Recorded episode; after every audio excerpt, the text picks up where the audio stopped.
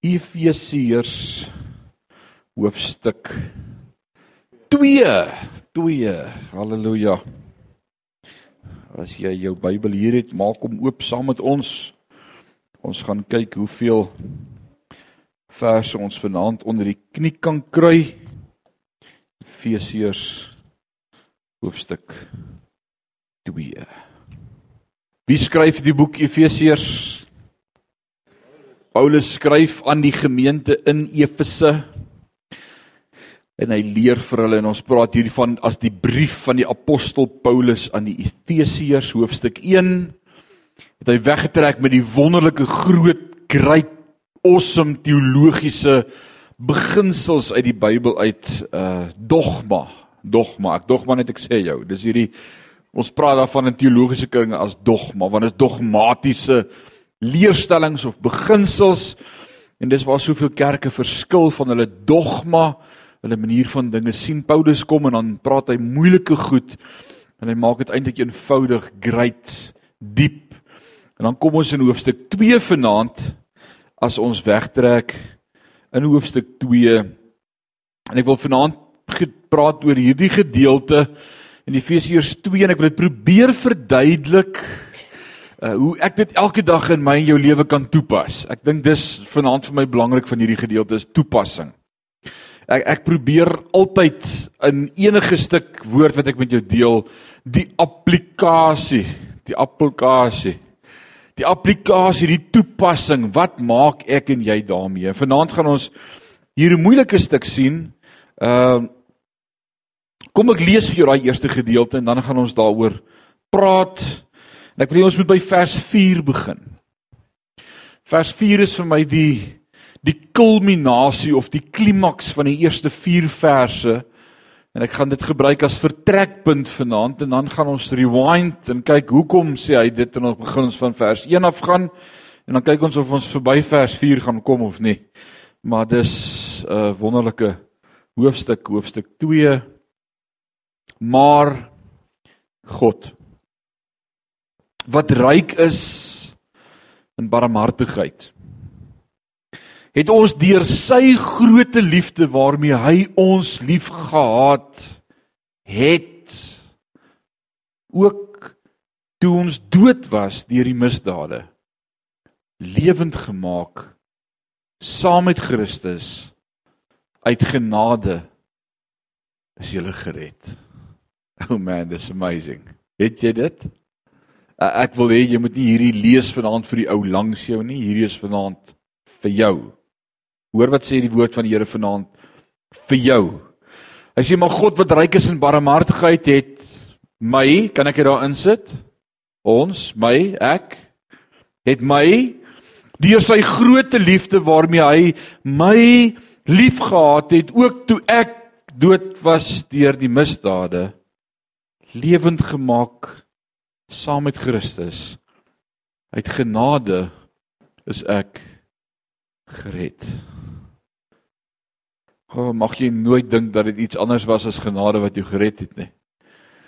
Dit was net sy genade. Right. As ons vandag eerlik wil wees, bevind ons onsself gereeld in moeilike situasies. Wie kan sê amen? Wie van julle sit nou in 'n moeilike situasie? Steek op jou hand. Ja. OK. Ons ons gaan deur moeilike situasies en ek wil vanaand sê God stel intens in elkeen van ons belang. Intens. Dis net maar eenmal deel van elke mens se lewe hier op aarde, deel van die sondeval se gevolg. Maar ons sien hoe God intens in ons belang stel elke keer en ons deurdra. Elke keer. Koos Doep sê elke keer dat hy my iewers kom haal En hy sê maak dit hier die laaste maal. Huh? Why you laugh? Do you know the hymn by Koos Du Plessis? Sê die Engelsman wat vir ons lag. Hy maak dit hier vanaand die laaste maal. Dit was nog van die begin van die skepping af. Hoe dit gewerk het. Van die begin af. Kom ons gaan gou na Genesis 1 vers 1 toe. Ek kan nie verder as dit blaai in die Bybel nie. As jy verder as dit gaan kry jy die indeks. Alraai. So kom ons begin gou vanaand recap. Genesis 1 vers 1. Gou. Kom ons kyk hoe lank gaan dit ons vat om te recap. Kom ons kyk waar pas Genesis 1 vers 1 nou hier in vanaand. In die begin het God die hemel en die aarde geskape. Glo jy dit nog? Ek hoop so. Sê amen as jy dit glo. Ek glo dit want God se woord sê dit. En al glo ek dit nie, sê God se woord dit en dit is so. Punt. Ek praat nou eendag met 'n kollega en hy sê vir my hy hoor party mense sê in hulle gemeente God said it, I believe in that settles it. Nou nou kyk ek kom so want hy was nou nog nie by een van ons dienste nie. Ek sê ja, ek hoor ook party mense sê sulke goed. Hy sê hy dink dis 'n heresie. Ek sê ekskuus. Hy sê want of ek dit nou believe of nie, if God said it, that's it, that settles it. Why must I believe it for it to be settled?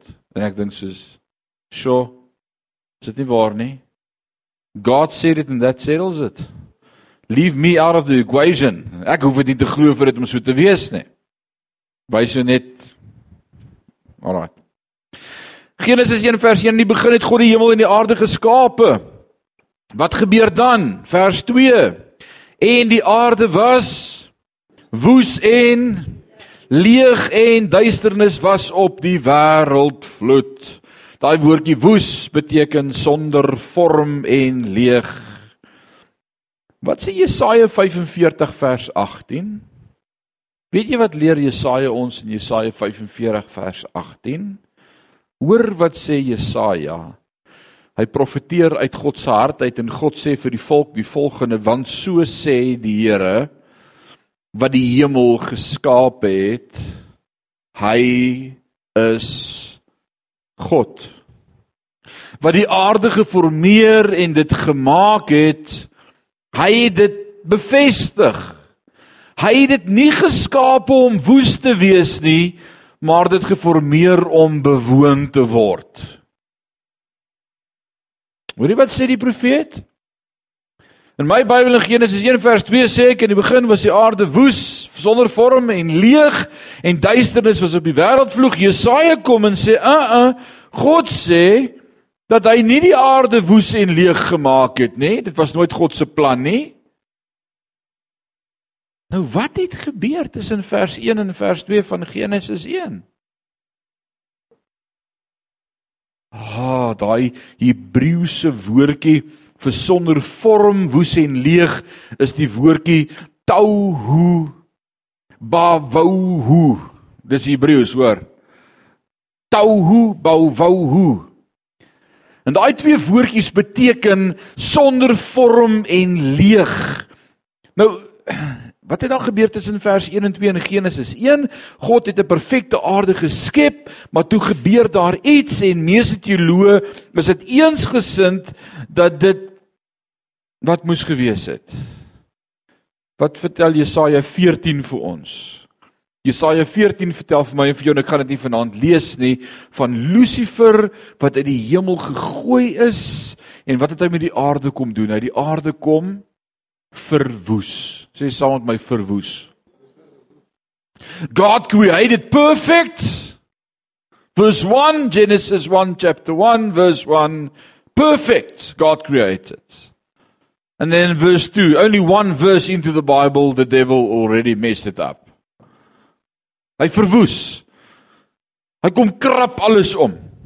Jesaja sê vir ons God het dit nie van die begin af omgekrap gemaak nie. God het dit perfek gemaak. Something happened. Jesaja 14 vertel vir ons wat het gebeur. Daar was 'n duiwel. Right. Nou waar val ons nou met Efesiërs 2 en die skepping uit? Hang vas. Lucifer was die aanbiddingsleier in die hemel.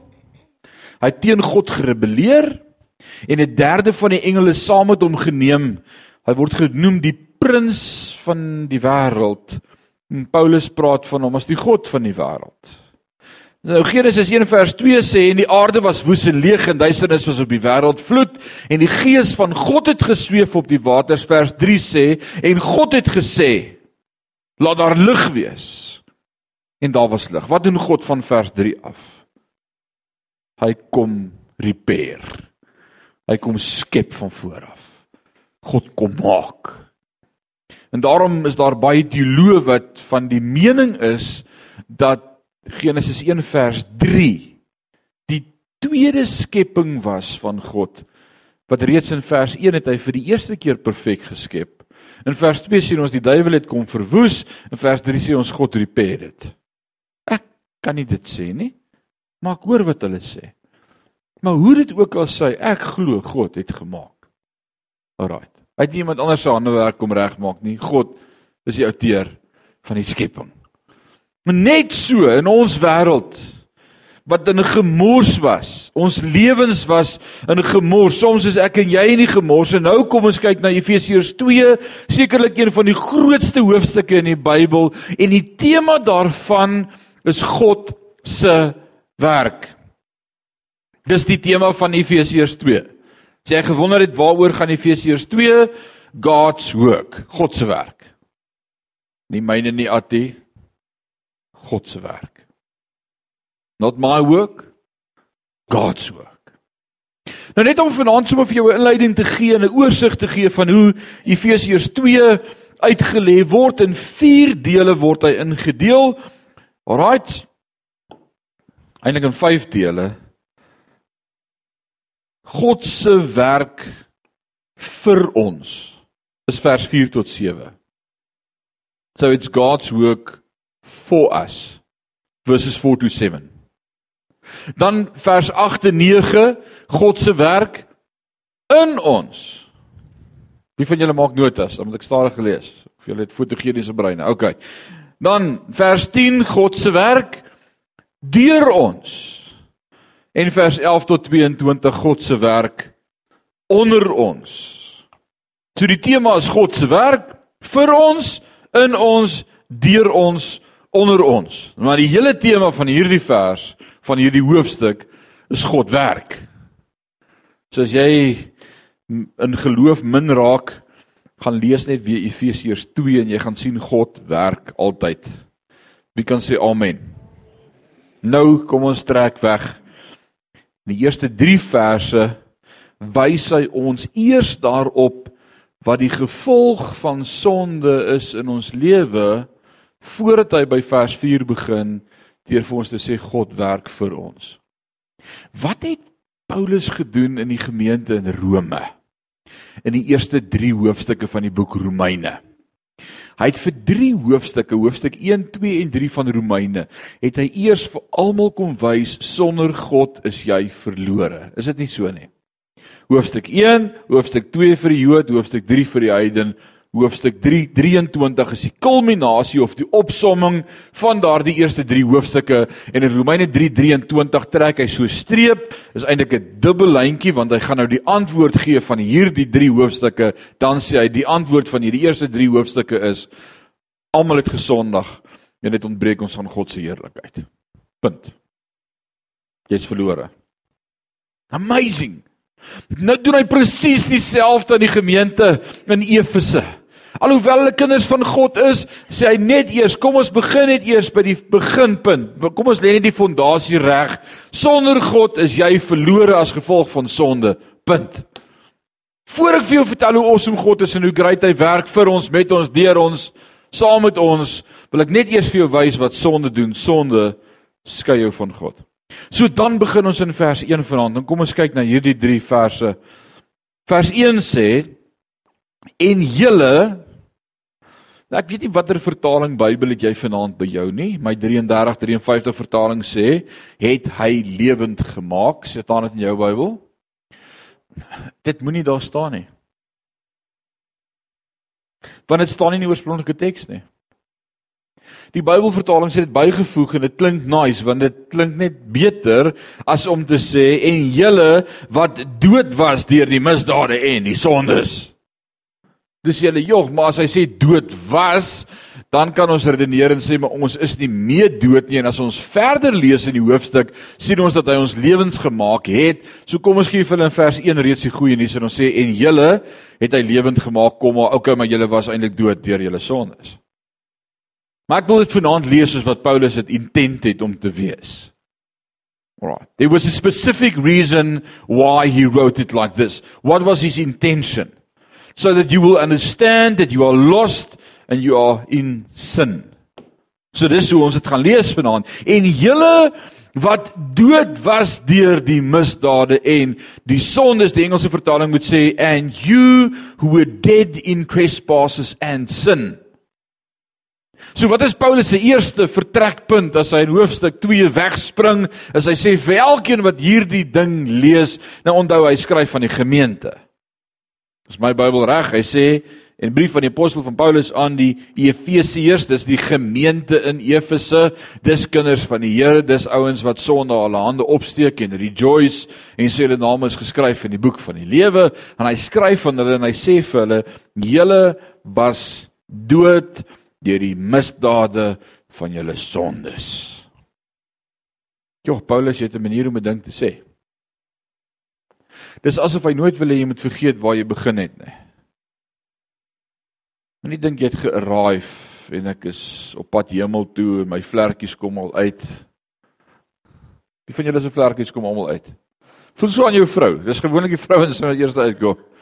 Voel net so agter. Voel jy Attie? Kom al uit. Jy het 'n engel daar. Sy besig om van jou 'n engel te maak.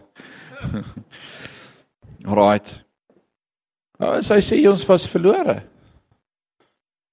Ek was dood. Ek was in my sonde gewees. So wat is fisiese dood? Jakobus 2 vers 26 sê, want soos die liggaam sonder gees dood is, so is ook die geloof sonder die werke dood. Dis fisiese dood. 'n Liggaam sonder 'n gees is dood. Wanneer definieer ons iemand as dood? Wanneer sy gees sy liggaam verlaat het. En gewoonlik gebeur daar dan iets sy hart hou op klop. Jy al by iemand gestaan wat sy hart nog klop maar hy's dood. Jy geweet dis ook moontlik. Jy kan iemand met masjiene aan die lewe hou en 'n hart-long-masjien opsit en daardie tent aan die gang hou. As jy in daardie oë kyk, sien jy die gees is klaar weg. Jy het dit al Wie van julle het dit al beleef? O, oh, yes. Jy sien dit. Daai dis net 'n stuk vleis hierdie. Dis net die tent. Paulus praat van hierdie as net die tentwoning. Dis fisiese dood. Maar ons kry ook 'n geestelike dood wanneer ons gees van God se gees geskei is en ons verlore is en dis waarvan hy praat hier in vers 1. Ons was dood gewees. Jesaja 59 vers 1 sê: "Kyk, die hand van die Here is nie te kort om te help nie en sy oor nie te swaar om te hoor nie, maar julle ongeregtighede het 'n skeidsmuur geword tussen julle en julle God en julle sondes het sy aangesig vir julle verberg sodat hy nie hoor nie." Hy sê julle sondes het God se aangesig vir julle verberg. Hoeveel mense roep elke dag uit: "Baas God, Jy het dit al gehoor om jou? Waar's God? Nou, dit is baie maklik. Jy en jou sondes het sy aangesig vir jou verberg. Jy sal hom nie sien nie. Daar's 'n skeidsmuur tussen jou en God. Wat is die enigste gebed van 'n sondaar wat God kan antwoord? Jy geweet as net een gebed van 'n sondaar wat God kan antwoord, net een. Sondaar kan geen ander gebed hoor nie of bid nie, daar's net een gebed wat 'n sondaar kan bid. Here, red my. Wow. Die ander voordele is in Christus vir sy kinders. Nie amazing nie. Sonde skei ons van God. Nou die woord deur ons in Romeine 6 vers 23 want die loon van die sonde is die dood Romeine 3:23 het ek reeds gekwoteer wat sê want almal het gesondig en het ontbreek ons in die heerlikheid van God. sien jy wat doen Paulus hier in Efesiërs 2 vers 1? Hy trek dit wat hy in Romeine 3 gesê 23 en Romeine 6 23 trek hy nader en hy maak hierdie beginsel. Hy leer van die begin af sit hy hierdie ding op die tafel en hy sê ons was dood as gevolg van ons sonde. Sonde skei ons van God. So ons is almal dood as gevolg van ons sondes. Die stand van die mens, die boodskap van Efesiërs 2 vers 1 tot 3 is die sonde het ons van God geskei. Dis amazing wanneer ek die boek Romeine kan vat en iemand na die Here lei en vir hom sê maar daar's 'n rede hoekom Romeine 1, 2 en 3 eerste geskryf is, Ronnie. Dis sodat jy verstaan you need God. Then you can understand chapter 4. What he's done for you. Presies dieselfde met die boek Efesiërs. Hy trek in Efesiërs hoofstuk 1 weg en hy sê geseënd is die God en Vader van ons Here Jesus Christus wat ons geseën het met alle seëninge en en die blessings in die hemel en op die aarde voor die grondlegging uh, voordat jy gedink het om te wees, het God reeds beplan voor die grondlegging van die aarde reeds het hy geweet wie gaan hom ken. Hy praat oor voorkennis, hy praat oor uitverkiesing. Hy praat oor wonderlike goed, great goed. En dan dink ek, "Wow, hoe awesome is dit nie?" En dan kom hy in hoofstuk 2 en dan sê hy, "O ja, maar laat ek jou net eers vertel, jy was eintlik dood gewees." Elkeen van ons was dood. Stamp gaan nie langs jou en sê jy was dood. Jy was mors dood. Is dit die waarheid? Ja. Jy was daar. Onthou jy daai ou apostoliese koortjie wat ons gesing het? Ek is vry, vry, vry. Jesus maak my vry. En dan wat sê hy? Eens was ek blind, maar nou kan ek sien. Amazing grace, how sweet the sound that saved wretch like me. I once was lost, but now I'm found. Was blind, but now I see. Ek moet altyd onthou waar ek was dan gaan altyd dankbaarheid in my hart wees vir waar ek nou is. Ek dank die Here ek is nie meer waar ek was nie. Kan jy sê amen?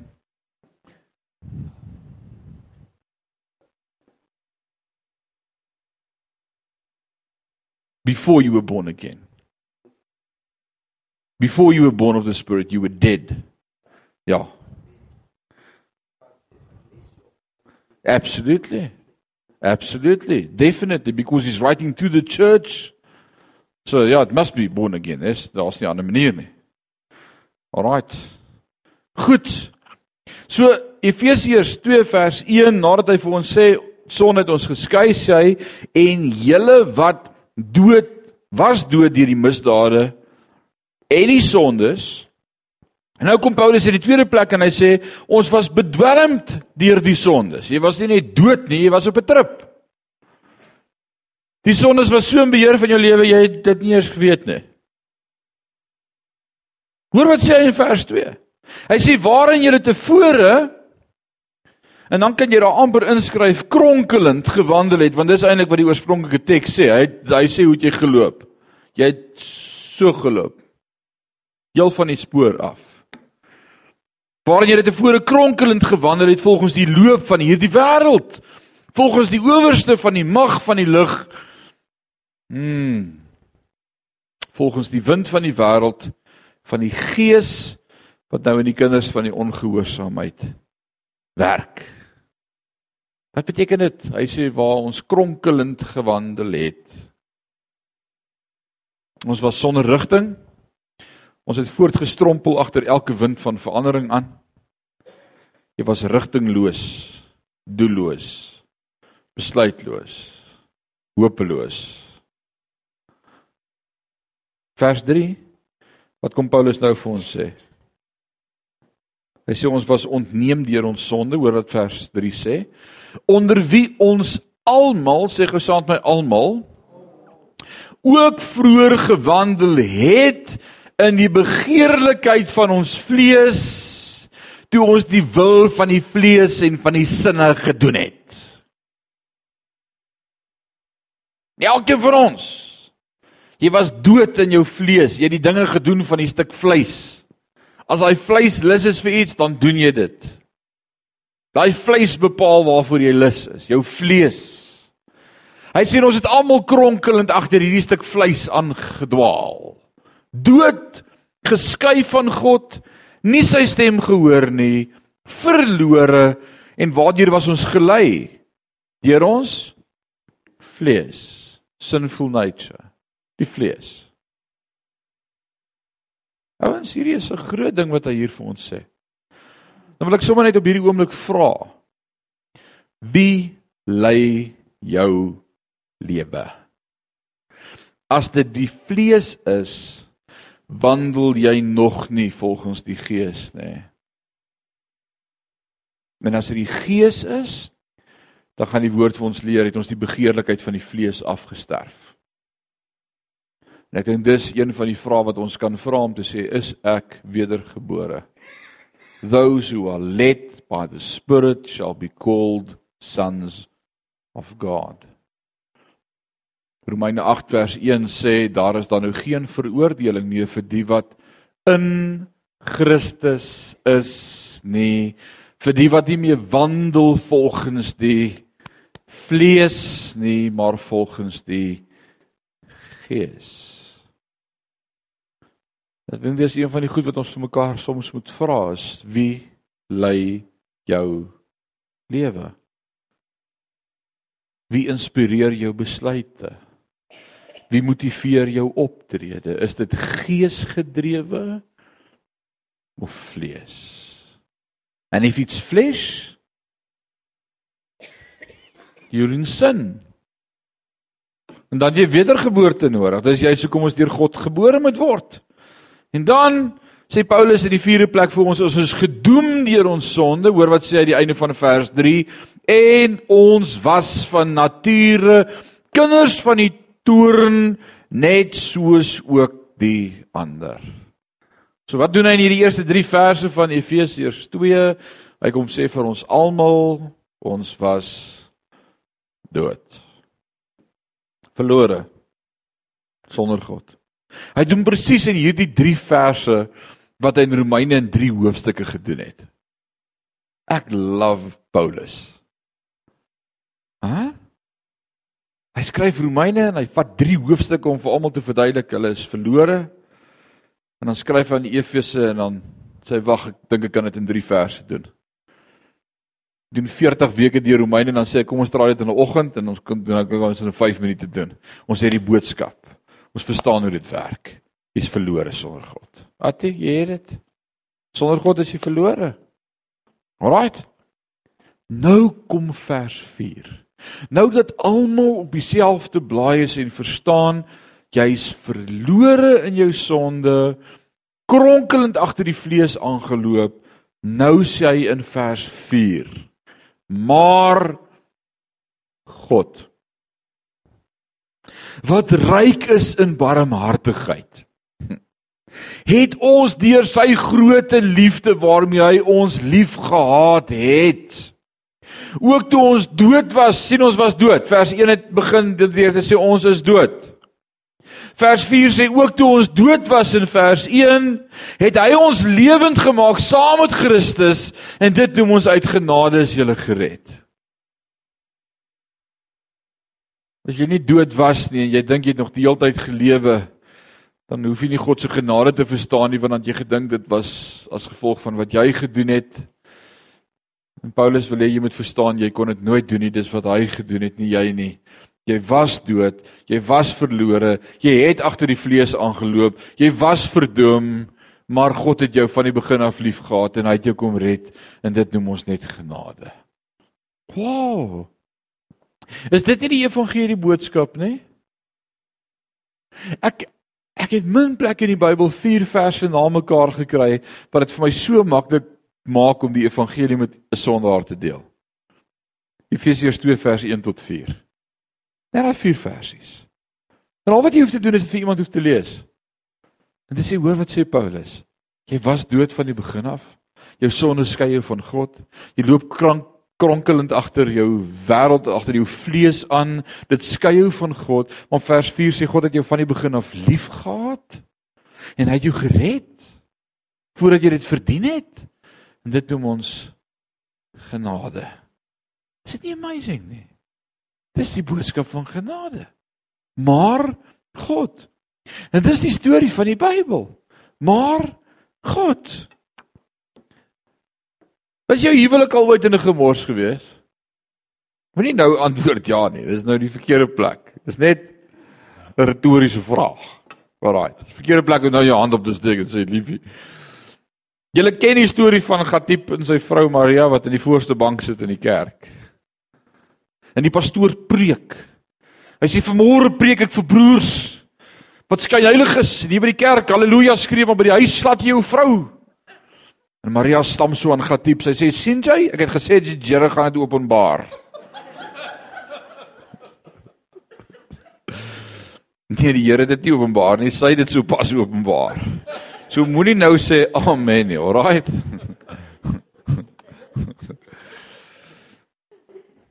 Van die begin af. Imagine jy wat se huweliksprobleme Abraham gehad het. Jy geweet Abraham, ons vader van geloof, het ook huweliksprobleme gehad. Hæ? Huh?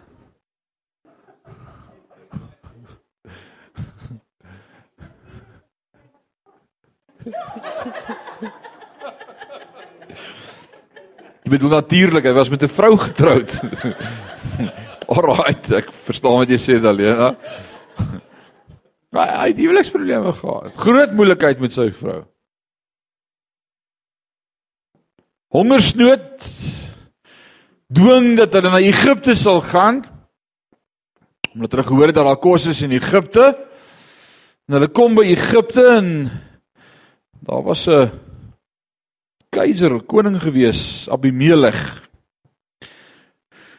Maar Abraham was baie bang vir Abimelech gewees. En dan neem hy hom in sy hart voor voor die tyd. Jong as Abimelech my mooi vrou sien. Ek hoor hy 'n harem en hy hou net mooi vrouens daaraan. Wat gaan ek sê as hy my vrou sien? Sara is baie mooi geweest. En so kom hy daar in Abimelech kom hulle tegemoet en hy sê Abraham, van waar kom julle? Welkom in my land. Joh, dis 'n mooi girl hierdie. Wie's dit? Abraham. En Abraham is soos is my suster. Hm. Ek kan net dink wat deur Sara se kop gegaan het op daai oomblik. Jou suster. Ek ek daar's nie groter probleme as dan nie. Moontlikheid. Nou gebeur 'n fenominale ding. Hy gee asomme vir Abimelech. Kyk, dalk het sy hom kwaad gemaak daai dag. Ek weet nie. Maar hy sê, "Vatta, you can have her." Sy bly doodstil, sy praat nie terug nie. Vrouens, julle kan leer daaruit. Maar ek voel net ek moet dit sê. Sy bly stil, sy is onderdanig aan haar man. Sy sê net maar as das dit is hoe dit is, dan is dit so. Ek begin ek gaan nie mou nie, ek gaan stil bly. Nou kom Petrus in 1 Petrus 3 en ek wil nie vanaand oor die huwelik praat nie, maar ek dink dit is belangrik om konteks in te gooi.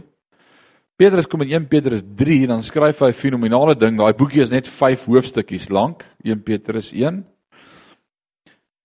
vers hoofstuk 1 2 3 4 5 en dan in die middel van hierdie 5 hoofstukke en as jy daai boekie gaan lees 1 Petrus dan skryf hy 12 keer oor die begrip of die term lyding, suffering to suffer for God. En in die middel van hierdie 5 hoofstukke skryf hy vir 7 verse oor die huwelik. Hy het seker iets verstaan. Ons het vanmôre oor sy skoonma gepraat. Hy was 'n getroude man. Hy het seker verstaan die huwelik is nie 'n grap nie. Suffering Hulle sê mos hierdie is die saf what wedding ring suffering. Wat sê hulle? Nee, julle weet nie waarvan ek praat nie. Okay. Die lewe het mos drie ringe. Engagement ring, wedding ring, suffering. Ronnie. Ronnie. En dan skryf hy iets wat vir baie vrouens nie lekker is nie en ek wil dit aanhak by dit wat nou gebeur in Genesis As ons gaan lees dan Genesis 20. Petrus skryf in 1 Petrus 3 die volgende. Hy sê en net soos wat Sara vir Abraham genoem het my Heer Ja, en daar kan ons daai selfde reaksie as nou net hier. my lord. Dit's nie 'n manier nie. Ek sal hom sy plek sit. Ek gaan net hy so met my maak, né? Petrus sê dan moet iets wees van 'n vrou van haar sagtheid. Hy sê sy moenie 'n man wen deur baie woorde nie, maar deur haar ingetoe stil gees. Sy moenie omhang van krale en goud en juwele en make-up wees nie, maar die die mooiheid van die hart wat na buite kom. Sonder baie woorde kan sy 'n man wen vir Christus, net so wat Sara submit het aan Abraham deur te sê my Heer en dan sê hy vir ons nee Petrus, nou gaan jy te ver. Wat beteken dit? Hier in Genesis 20 toe Abraham aanjaag het Sara nie vir hom gesê ek gesê die Abimelech dat ek jou net reg help dis eintlik my man en hy's ruggraatloos nê sy doodstil gebly en gesê well then it's on you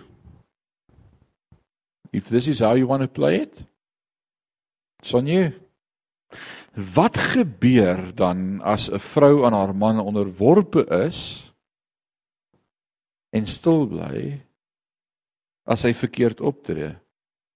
En dan is die awesome blessing wat ek vanaand met jou wil deel en dis nie waaroor ek praat vanaand nie, maar ek voel ek moet dit sê. Die awesome blessing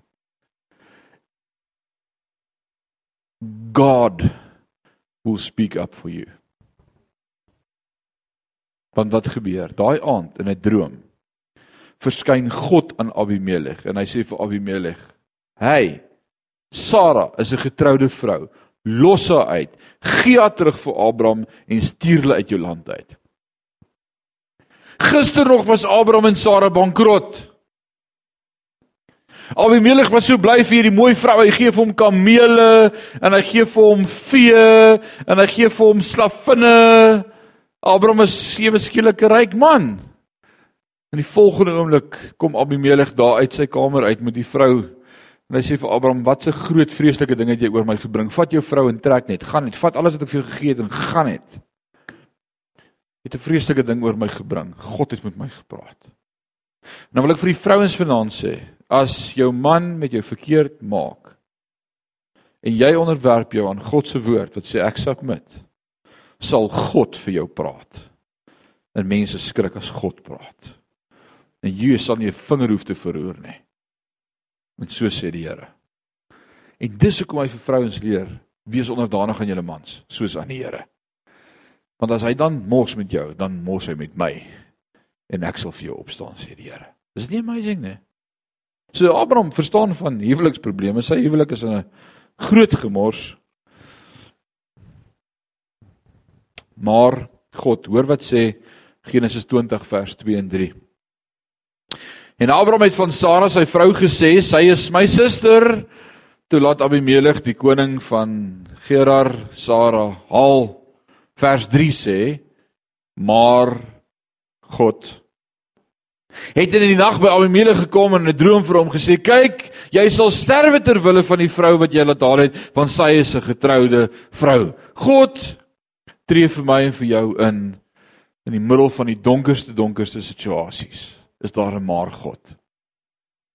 Paulus kom in hoofstuk 2 vers 1, 2 en 3 van Efesiërs en hy skets vir ons die donkerste van die donkerste situasie wat sê ons is verlore sonder God, maar vers 4 kom en hy sê maar God het jou liefgehad van die begin af en jou gered en dit om ons genade. It's amazing. It's amazing. Ons so kan ons reg deur die Bybel vanaand vers vir vers lees, storie vir storie en elke keer sien ons maar God. En ek wil vir jou sê wanneer ek dit begin verstaan in my lewe te midde van my donker, te midde van my dood, te midde van my probleme, te midde van my omstandighede kan ek in my lewe uitroep en sê maar God het die laaste sê. Maar God is in beheer. Maar God sal vir my sorg. Maar God hou my in stand. Maar God sal vir my stry. Maar God sal vir my voorsien. Broer, die ekonomie is af, die petrolpryse is op. Die dollar verloor sy greep. Dis moeilikheid. Dan wil ek vanaand sê maar God My oë is op hom en op niemand anders nie. Praat met 'n vriend in 'n ander gemeenskap. Hy sê vir my die gemeenskap verarm. en en die tiende bydraes neem af en en, en sy gemeente gee nie meer wat hulle gegee het nie en dit raak al hoe moeiliker om die water en ligte te betaal en en dis net maar die feit van die gemeenskap en dan kom daar net so iets oor my en dan sê ek vir hom maar God is by magte en hy hou ons in stand Elia is by die spruitkrit daar's niks en niemand nie verlate. Hy het vir 'n hele paar dae gehardloop van die seebel af. Hy het so gevlug hy kon nie sy eie pad terugkry nie. Hy weet nie hoe hy gekom nie. En dan lees ek maar God stuur 'n kraai. En hulle bring vir hom vleis. En het die engel self nie vir hom brood gebak nie. Toe hy wakker word, is daar brood. En die engel sê vir hom eet en slaap verder. God sal vir jou sorg. Moet nooit jou oë op mense hou nie. Moet nooit jou oë op omstandighede hou of op die of op daai of as dit net gebeur dan oh man, jy het dit nie nodig nie. Jy het God nodig. En dis wat Petrus, ag Paulus hier vir ons kom leer in Efesiërs 2. Hy sê jy was so verlore, jy was so dood, jy was so ellendig, jy het so agter jou kronkelende ou natuur aangestrompel. En dis daai prentjie wat ek sien van 'n ou wat dronk is. Jy sluier. Jy val oor jou eie voete. Wat ons nou die dag gesien wat ons die ou gesien het wat so probeer loop het in Potch toe ons daar stop by die robot so voor die mol. Kyk ons hierdie ou man wat hier loop, maar hy loop meer agteruit as wat hy vorentoe loop. Dit loop het jy al dit lyk of hy teen die wind loop. O, ons sit in die kar en ons lag net. En jy wil sê hy is siek, sê hy is baie siek. Hy is baie siek. Hy is baie siek. En dan sê Paulus ons was almal daar. Jy het kronkelend agter die vlees aangeloop. Wow. Maar ek dank God vanaand en daar kom so dankbaarheid in my hart. As ek vanaand net wil sê wow, die Here het daar 'n awesome ding in ons lewe begin, is dit nie? Filippense 1 vers 6 sê hy wat die werk in ons begin het, dis hy wat dit klaar maak. Sy woord sê dis hy wat in ons werk om te wil. Ek wou nie, Ronnie but he worked in me. And he planted the seed that says you want to? And i thought it was me but it wasn't me. It was him. Dis hy wat gesê het jy wil groei. Dis hy wat vir my gesê het jy wil met my praat jy wil bid. Ek dink as ek wat wil bid. Was hy ek hier was hy Dis alles net hy, sy genade. En dan kom hierdie hoofstuk wat ontvou so pragtig en dan vers vir vers my vertel hoe werk God met ons want vers 4 tot 7 vertel vir my God se werk vir ons. Nou wat was God se werk vir ons gewees vers 4 tot 7? Kom ons lees dit saam vanaand. Vers 4 sê: "Maar God, en nou lees ek in die direkte vertaling, okay? Ek wil vanaand vir jou hier in die direct uh die direkte vertaling wil ek vir jou lees. Hoor wat sê vers 4. Hy sê die volgende: Maar God het sake en veral ons nie so gelos nie.